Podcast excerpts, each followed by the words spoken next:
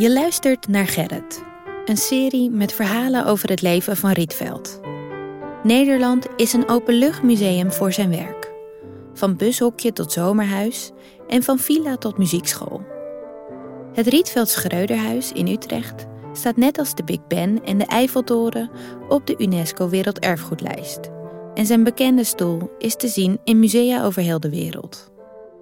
In deze driedelige serie onderzoek ik wie hij was, wat hem tot een geweldig architect maakt en wat hij heeft achtergelaten. En dat doe ik samen met zijn biograaf Ida van Zijl. Truus Schreuder wilde eigenlijk liefst dat het een woonhuis zou blijven. Hè? Maar wie wilde nou 15.000 mensen per jaar over de vloer? Dichter en bewonderaar Ingmar Heitse. Alle huizen waar ik er nu toe in mijn leven gewoond heb, hadden dan bijvoorbeeld een keuken waarin je anderhalf keukenapparaat kon neerzetten. Dat zou je in een Rietveldhuis niet overkomen. En ook horen wij zijn muze, Truus Schreuder. God, het was een huis van 6000 gulden. Hè? Het was verschrikkelijk goedkoop. Maar ik vind het prima. Als daar een logier is, dan moet het flinker zijn die niet zeurt over. Uh, ik hoor de krant ritselen, want je hoort de krant wel ritselen. Aflevering 1. Het Rietveld Schreuderhuis. Uh, weet je waar het is? Ja, het is een beetje die kant op. Ik, ik, ik, weet, ik weet het wel een beetje te vinden, denk ik. Dus zal het even, even zoeken. Dat geldt voor al die graven hier eigenlijk. Dit is Ingmar Heitse, bewonderaar van het werk van Rietveld.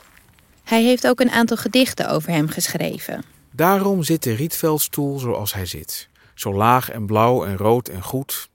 Als om erop te wijzen dat men af en toe eens moet gaan zitten op een stoel die er niet staat. We lopen over Soesbergen, een van de monumentale begraafplaatsen van Utrecht. Het heeft slingerende paadjes, grote esdoorns, beuken, iepen, treurwilgen. Het is de laatste rustplaats van vele grote Utrechters, waaronder Gerrit Rietveld. Het is hier ergens volgens mij, maar het, het, ik, ik, kan het niet, ik kom er niet vaak genoeg om meteen te zeggen. Volgens mij is dat hem eigenlijk. Al snel hebben we het over het Rietveld Schreuderhuis, dat twee kilometer verderop staat. De plek waar Gerrit iets meer dan 50 jaar geleden zijn laatste adem uitblies. Een dag na zijn 76ste verjaardag. Het huis ontwierp Rietveld samen met zijn opdrachtgever, Truus Schreuder. Wat, wat nu ontzettend in is, dat declutteren en die Japanse schoonmaakgoeroe, dat does it spark joy. Het voortdurend wegdoen van dingen, zodat je... Die hele, die hele minimalismebeweging, dat is allemaal niks nieuws, zeg maar. Die mevrouw Schreuder had dat al, al, al door. Die heeft volgens mij letterlijk gezegd dat je eigenlijk zo zou moeten leven... dat zeg maar, al je huisraad gewoon in twee grote koffers past. En dat je, dat je eigenlijk gewoon elk moment klaar moet zijn om, om nou, je spullen in die koffers te doen en ergens anders heen te gaan. Je moet licht leven. Ingmar, net als Rietveld, geboren en getogen in Utrecht, was al vaak genoeg langs het Rietveld Schreuderhuis gefietst, maar toen hij op zijn 29ste voor het Centraal Museum ging werken, maakte hij pas echt kennis met zijn werk. Die stoel die kende ik natuurlijk wel, die, die, die, die beroemde stoel die iedereen kent. En, en wat andere ontwerpen kon ik ook nog wel, die zigzag, dat, dat wist ik geloof ik ook nog wel. Maar verder wist ik eigenlijk geen moer van. Op een gegeven moment was ik gebombardeerd, weliswaar nadat ik gesolliciteerd had, tot eerste huisfilosoof van het Centraal Museum. Dit was uh, 1999. En als je in het Centraal Museum gaat rondlopen en dingen bevragen als huisfilosoof zijnde, ja, dan krijg je te maken met alle dingen die ze nog meer in beheer hebben dan alleen maar dat museum. Uh, en natuurlijk is één van die dingen is het, is het Schreuderhuis. Dus daar was ik toen ook voor het eerst in mijn leven. En uh, ja, dat, dat, is zeer, zeer ontroerend. Het is een relatief klein huis. En je krijgt de indruk dat heel veel uh, ideeën die nu zeg maar, in elk architectuurgeschiedenisboek uh, gewoon staan, die zijn daar voor het eerst uitgevoerd. Dat hoekraam dat open kan, zodat je de, letterlijk de hoek uit het pand kan halen door twee ramen open te zetten.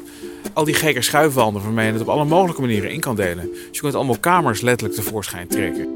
Het is een huis waarin je meteen thuis voelt. En uh, wat niet bedoeld is om je knetterend onder de indruk te laten zijn of je klein te laten voelen. Het is echt op een menselijke maat. Dat is heel knap gedaan. Wat ik er ontroerend aan vind, dat is vooral bewondering natuurlijk, of het knap dat die man dat allemaal kon en zag, uh, is dat het, uh, het huis is een soort prototype natuurlijk. En dat merk je ook. Eigenlijk is het redelijk goedkoop materiaal voor een flink deel van de triplex plankjes en zo. Uh, en het is ook gewoon een beetje krom gaan staan door de, door de tijd, zeg maar. Het is een beetje verweerd. Het is niet alsof je een stralend huis uit een VT woningcatalogus in krijgt. Je ziet een beetje, Het is een beetje rottig op sommige punten. En dat vind ik zeer ontroerend, omdat je nog wel ziet hoe ontzettend goed die ideeën zijn en, en, en hoe geweldig het werkt. Dat zie je misschien nog wel beter, omdat het een beetje verweerd is, dan wanneer het ja, zoals op de dag van aflevering zou zijn. Tijd heeft er vat op, maar niet op de ideeën. De ideeën zijn nog gewoon nog, nog net zo fantastisch als op de eerste dag dat ze, dat ze bedacht werden. En dat hield in eenvoud. Het is één warmtebron, één lichtbron, een waterbron. Alles één stuk. Ik geloof dat je dan ook van een heleboel uh, af bent, van een heleboel zorgen. Dit is Truus Schreuder. De audio komt uit het archief van het Centraal Museum. Het is een interview dat schrijver Frank den Oudste in 83 met haar hield, zo'n twee jaar voor haar dood. Truus leerde Rietveld kennen op zijn 33ste. Ze had hem de opdracht gegeven om een kamer te verbouwen in het huis waar ze destijds woonde met haar man en kinderen. Toen haar man overleed, wilde ze een kleiner huis. Maar omdat ze niks kon vinden, besloot ze om een huis te laten bouwen. Ik ben niet naar Rietveld gegaan om nou zo'n gek huis te bouwen. Ik dacht niet aan bouwen, wou een huis huren. Waar we dan een beetje konden veranderen. En dat Rietveld dat dan zou doen. Maar hij vond geen huis en ik vond geen huis. En toen heb ik dus toch op een goede dag gedacht... Eh, laten we dan maar eens kijken naar een stukje grond. En toen is hij op het weekend op stap gegaan om een stukje grond te vinden. Ik ben op stapje gegaan. En toen zijn we weer bij elkaar gekomen, na het weekend. En toen hadden we allebei een stukje grond gevonden, maar het was hetzelfde. Dit was niet anders. Er was bij Utrecht geen grond te krijgen bovendien. Nou, dit was zo'n gek stukje grond, zoiets onmogelijks. Was ze allemaal een plasje kwamen doen, hè? Vrachtrijders en. Heel vies stukje grond. De mensen dachten, als je nog geld uitgeeft, hoe kan je dan godsnaam maar zoiets uitgeven? Staat er toch niet af.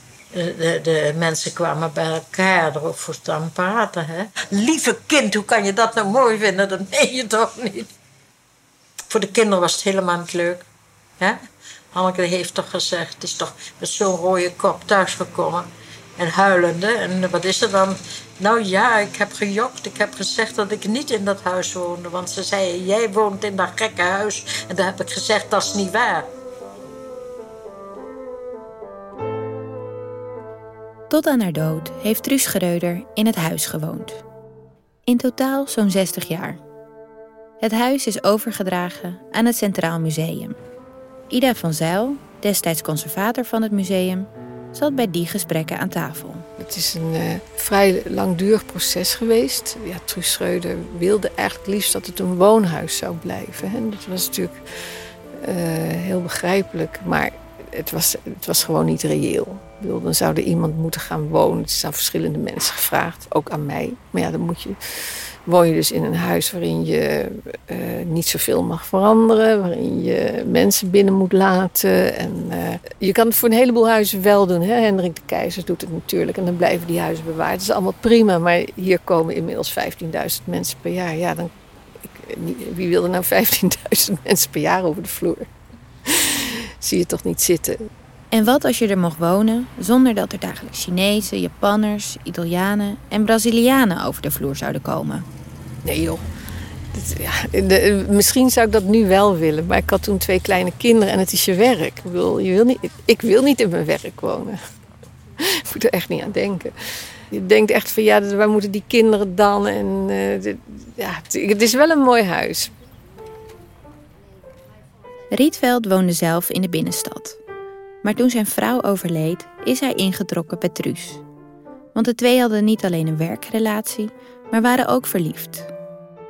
De laatste acht jaar van zijn leven woonde Gerrit in zijn eigen ontwerp. En opmerkelijk genoeg, zelf vond hij het huis helemaal niet zo prettig wonen. Het was hem te gecompliceerd. vooral die schotten. Wist niet eens hoe ze werkten. Ik had ze dan een beetje veranderd. Maar eh, noem me nou een huis waar hij wel prettig in vond, weet ik het ook niet. De kern van wonen was voor Rietveld en Schreuder soberheid. Niet geleefd worden, maar leven. Zo min mogelijk spullen. Een levensstijl waar tegenwoordig veel mensen fan van zijn. Daarom tot slot een aantal tips van Ingmar Heitse. Hoe je het beste kunt leven volgens de principes van de stijl. Bij elk ding wat je hebt je afvragen van, heb ik, word ik er nou echt blij van? Of, of denk ik alleen maar, als het nou weg was, dan had ik de ruimte beschikbaar die dat ding nu inneemt. Dus inderdaad, heel veel boeken wegdoen, deels ook inscannen en dan wegdoen. Uh, heel veel dingen digitaal opslaan. Nou ja, dat is natuurlijk het, het, uh, het idee. Je, als, je, als, je, als je iets wegdoet, dan doe je niet alleen maar iets weg. Je, je, je haalt ruimte terug. En ruimte is iets, daar heb je niet gauw genoeg van, zeg maar. Spullen heb je wel snel te veel. En aan deze kant van de wereld, in deze, deze tijd. Dus ik, ik denk ook, ik weet het ook wel zeker, dat uh, uh, zeg maar alles wat een beetje hipster en minimalist en decluttering en kobo is ingesteld, ja, die moeten wel dol zijn op dat, op dat gedachtegoed. Het kan niet anders. En uh, mijn manier van leven staat heel erg haaks op, maar eigenlijk vind ik het een perfect streven. Maar ik, ik ben een hamsteraar en een verzamelaar en ik hou van schilderijtjes en ik hou van instrumenten. En ik heb, ik heb twee kinderen en die, die hebben kasten vol speelgoed en zo. En grootste uitdaging in mijn leven de laatste paar jaar is inderdaad van... hoe krijg je dingen nou zoveel mogelijk je leven uit? Dingen die niet echt belangrijk zijn. Ik, ik, wou, dat, ik wou dat ik wat meer de stijl in mijn leven had. Maar ja,